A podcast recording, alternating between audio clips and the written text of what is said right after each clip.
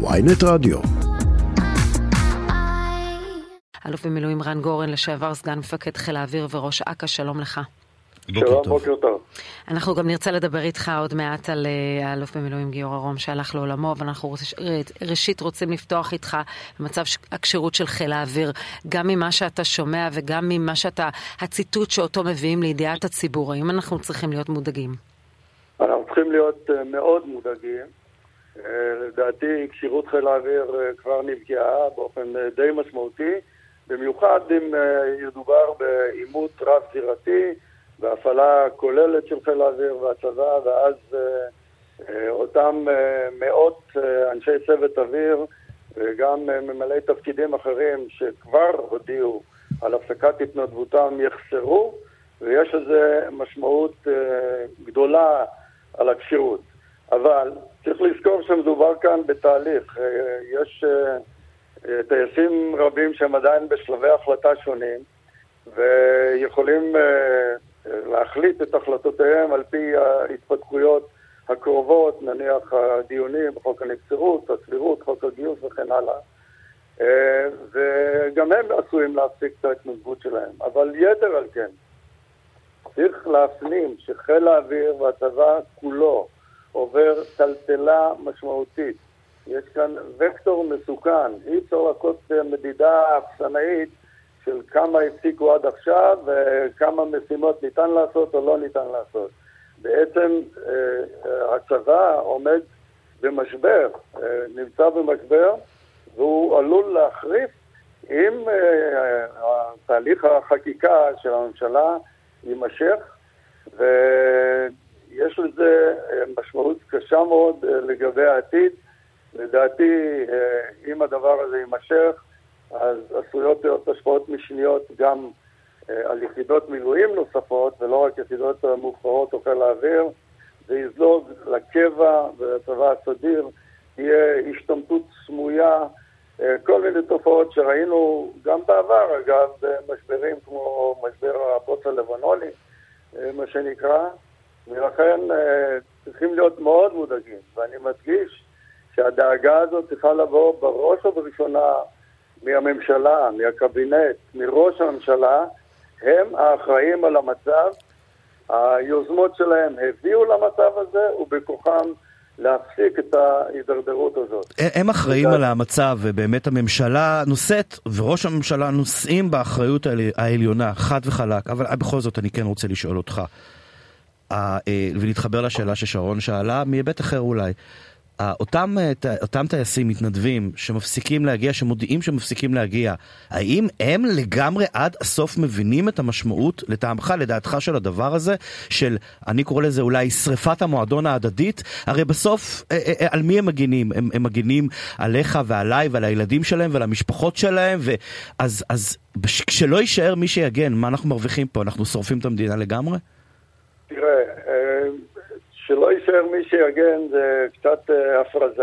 לא, אבל מדברים על זה, שלא תהיה כשירות. תן לי לענות, לדעתי יש כאן הנחה סמויה שהתהליך הזה ייעצר ולא יגיע למצב שלא ניתן להגן על המדינה. עכשיו צריך לזכור שכרגע מדובר באנשי מילואים שהם בעצם מתנדבים, וצריך להבין, אה, אני יכול להביא כדוגמה אה, משבר שהיה כשאני הייתי אה, ראש מטה חיל האוויר ואחר כך אה, ראש אכ"א, mm-hmm. אחרי הבוט, או בתקופת הבוט הלבנוני, שהייתה ירידה עצומה בחתימה לקבע, חתימה שנייה, מה שנקרא, בחיל האוויר, אחרי החתימה הראשונית, ואנשים פשוט לא חתמו, זה ירד מ-60% ל-30%, וזאת הייתה אז סכנה לכשירות של חיל האוויר לא פחות מהיום. אז מישהו יכול לבוא בטענות על כך שאנשים אה, לא חותרים קבע, הם סרבנים, הם אנשים חופשיים. הם חיים בדמוקרטיה, וברגע שלוקחים להם את הדבר היקר ביותר להם, אה, את, את דרך החיים שלהם, את המשטר שקיים כאן, אה, הם פשוט מרגישים פנימית. כן, השאלה היא לא כשתעלה לא פה ממשלה אחרת, אדוני, כשתעלה פה, ותעלה פה ממשלה אחרת, זה חלק מה, מהמשחק פה בישראל וזה קרה כבר בעבר, שתרצה לשנות את המצב, שתרצה לבטל את, עילת הסבירות, את הביטול של עילת הסבירות ולהחזיר את המצב לקדמותו, מה כבר יישאר במדינה אם אנשים לא יגיעו למילואים, אם, אם אנשים לא יבואו להגן על המדינה, ואני גם רוצה להכניס פה עוד שאלה, אז אתה דווקא קצת מרגיע בדברים שאתה אומר, אז יכול להיות שאולי יש פה איזה קמפיין מטורף תקשורתי של הימים האחרונים שפותח פה כל אה, מהדורת חדשות עם אה, המצב שהולך ומחמיר של חיל האוויר, שמנסים לתת לזה הקבלה לשנת 1973, למחדל 73? תראה, זה לא אה, מחדל 73, כי אה, אין כרגע לפחות אה, אויב על הגדרות, אין... אין אה, סיכון פיזי למדינה. חיזבאללה מנסה אותנו כל לא, הזמן. חיזבאללה, חיזבאללה יכול, יכול לגרום היום אה, נזקים אולי גדולים מבעבר, אבל הוא בהחלט לא מהווה סיכון אה, קיומי על המדינה. אה, עכשיו, אני לא רואה שזה, לא חושב שזה קמפיין תקשורתי, אני חושב שזה דבר עמוק, זה דבר פנימי. זה בהחלט משבר שמקרין על החברה הישראלית כולה. אבל מה שאומר לירן, הנקודה היא זה שהלך הרוח של הממשלה עכשיו ושל חברי הקואליציה הוא האם אנחנו ניכנע עכשיו למחאה הזו, מה יקרה בהמשך. זאת אומרת, לתפיסתם הטעות בחודש מרץ הייתה הכניעה ללחץ של הצבא, ועכשיו הם, הם החליטו שהם לא ייכנעו יותר ללחץ מהכיוון הזה. כלומר, אז מה שאתה אומר, שהם יגנזו את כל התוכניות שלהם מבחינתם זו לא תוכנית עבודה. הם אומרים, אנחנו לא נאפשר שהצבא או אנשי המילואים יתחילו ללחוץ עלינו בהיבטים פוליטיים. תראי, אה, אה, מה שקורה היום, המשבר הזה, הוא לא משבר שיכול לחזור באותה מתכונת, אה, נניח אם יתחלף איזשהו שלטון. קודם כל, אותן אליטות צבאיות נקרא לזה במובן הזה, או היחידות המובחרות שהן מחזיקות את הצבא על כתפיהן, אה, יש אה, ערכיות סגולית גבוהה על הכשירות באמת, ולא כל אה, יחידה שתחליט שהיא מסיבות כאלה אחרות מפסיקה לתפקד, תביא לאיזשהו משבר או ירידה בכשירות. כוללת. אבל אמרת דבר כאן... מדהים, האליטות ש, של אותה, אותם אליטות שיש להם מה שנקרא את כובד המשקל, אבל רק צריך לומר, יש גם אנשים שאולי הם לא אליטות, טכנאי, אה, טכנאים וכל מיני אה, אנשים שנמצאים מה שנקרא אה, בשטח ולא באוויר ולא טסים באוויר ונותנים את התמיכה הלוגיסטית, ומחר מחרתיים תעלה, תעלה כאן, נאמר, ממשלת שמאל, שתביא הסכם אולי מרחיק לכת עם הפלסטינים של חלוקה לשתי מדינות, ויהיו אנשים, והמטוטלת תזוז לצד השני, שמהימין לא. שיבואו ויגידו, אפ אפ אפ, זה שינוי של המדינה. קצת משרת את הספין הזה שאלה טכנאים ואלה טייסים. לא, לא, יש, ראינו את זה. סליחה, אתה מרמז, כאילו יש פה אה, שתי כיתות. אה, כן. אתה אמרת אליטות, לא אני. הטייסים והטכנאים, ואתה איכשהו מזהה גם את הטכנאים עם אה, הימין. לא כולם, לא כולם. ככה אתה מזהה ואתה חושב שהם יפסיקו כמו הטייסים, זה לא עובד ככה. זה לא יעבוד ככה, הטכנאים ילכו עם הטייסים. אה, חיל האוויר הוא אה, חיל שיש בו לכידות פנימית.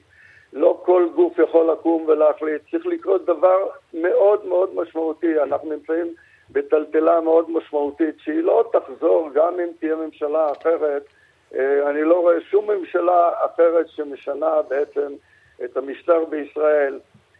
אני לא רואה שום מצב שיחידות קריטיות לקיומו של הצבא מפסיקות את התנדבותם, זה פשוט לא מציאותי. זה אירוע חד פעמי, אתה אומר, אנחנו רוצים להקדיש את ה... זה אירוע חד פעמי, כן. איזשהו תיאור דמגוגי בשביל לנסות אה, להדוף או להתעלם או להדחיק את התהליך שנמצאים בו כרגע, והאחריות, אני חוזר שוב, היא על הממשלה.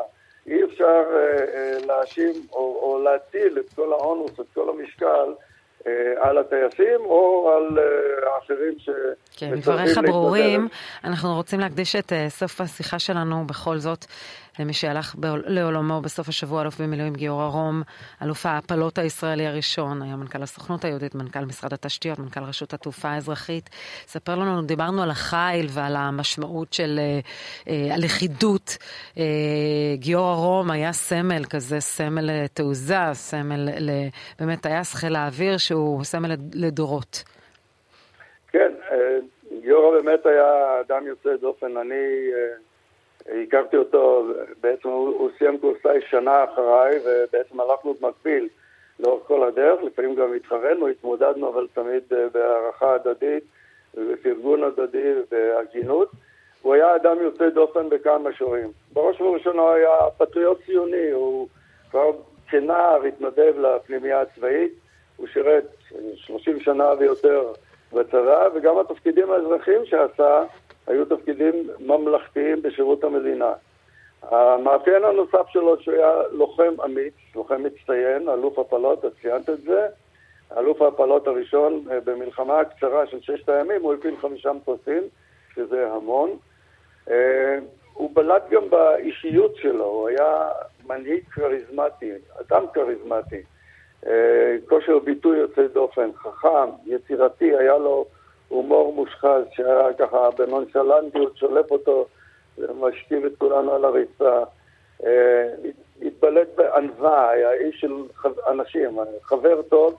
והדבר הכי מעורר השראה בעיניי זה התהליך שהוא עבר אה, בהתמודדות עם השבי עצמה, ששמר על צלם אנוש ועל על, אה, התנהלות, התנהגות של קצין ומפקד גם בשבי. המצרים העריכו אותו מאוד, והייתה לו פציעה קשה גם, הוא נשאר נכה בעצם, אה, ובכל זאת חזר לטיסה קרבית. ולא רק שחזר לטיסה קרבית, אלא יומיים לפני מלחמת יום הכיפורים, כתוצאה מתאונה, נהרג מפקד טייסת, הוטל עליו אה, הפיקוד על טייסת סקאיו בתל נוף, הוא נטל את הפיקוד בלי שהוא הכיר את המטוס, לא טס עליו, עם כל הרקע הזה והמשקעים והחשש והדאגות שאחרי אה, נפילה בשבי, הוא לקח את התפקיד, הוביל את הטייסת, הוביל מבנים, בעצמו טס בטיסות הראשונות אה, למד את המפסיקים, הוא שידרו לו ברדיו, אה, עזרו לו להפעיל, לתפעל את המפסיקים, וזה באמת דבר יוצא דופן. גם בתפקידים האזרחיים שלו, הוא היה באמת איש שטובת המדינה, או המוסד שבראשו הוא עמד, לנגד עיניו, שום שיקולים אינטרסנטיים, לא אישיים, לא פוליטיים, דברים שאנחנו רואים היום, חדשות לבקרים. והוא uh, באמת יוצא דופן. גם אגב עם המחלה, הוא התמודד בגבורה. הוא, עם, עם התבררות מצבו, או שהוא חולה בכלל, הוא הפיץ לכל החברים מין עדכון, וולטין רפואי, ועדכן לו כל הדרך. וממש לפני, עשרה ימים לפני שנפטר, קיבלתי ממנו את הוואטסאפ האחרון, שהוא אמר, הפסקתי את הכימותרפיה, אה, אני רוב הזמן במיטה, אין לי כאבים, אני, אה, כל, כל מה שאני רוצה עכשיו זה שקט, ובעצם הוא נתן להבין שהוא בנחיתה האחרונה, אה, בדרכו הוא בישר לחברים ש, ש, שלא נותר לו הרבה עוד לחיות. נחיתה האחרונה של גיורא רום. תודה רבה לך, אלוף במילואים רן גורן. תודה לכם.